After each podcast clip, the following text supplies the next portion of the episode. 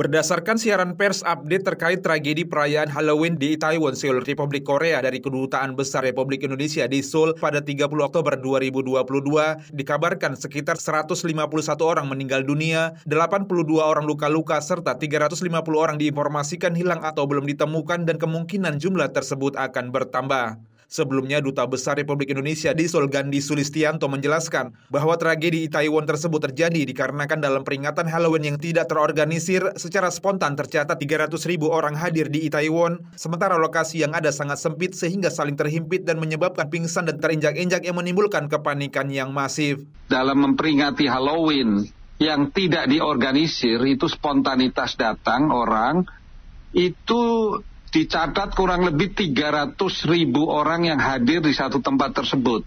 Padahal tempat tersebut tempat yang sempit.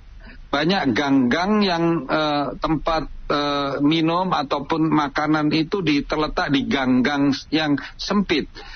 Uh, kemudian dari laporan yang ada, dari gambar yang saya lihat, pada gang tersebutlah orang-orang itu terhimpit, tidak bisa bergerak, kehabisan napas, kemudian terinjak-injak, pingsan, terinjak-injak, dan panik, sehingga menimbulkan kepanikan yang masif. Hingga Minggu 30 Oktober pukul 10 waktu Korea, dari 151 korban meninggal dunia, terdapat 19 orang warga negara asing dan tidak terdapat warga negara Indonesia. Warga negara asing yang teridentifikasi meninggal dunia merupakan keluarga negaraan Australia, Iran, Norwegia, Prancis, RRT, dan Sri Lanka, sementara 13 korban belum teridentifikasi.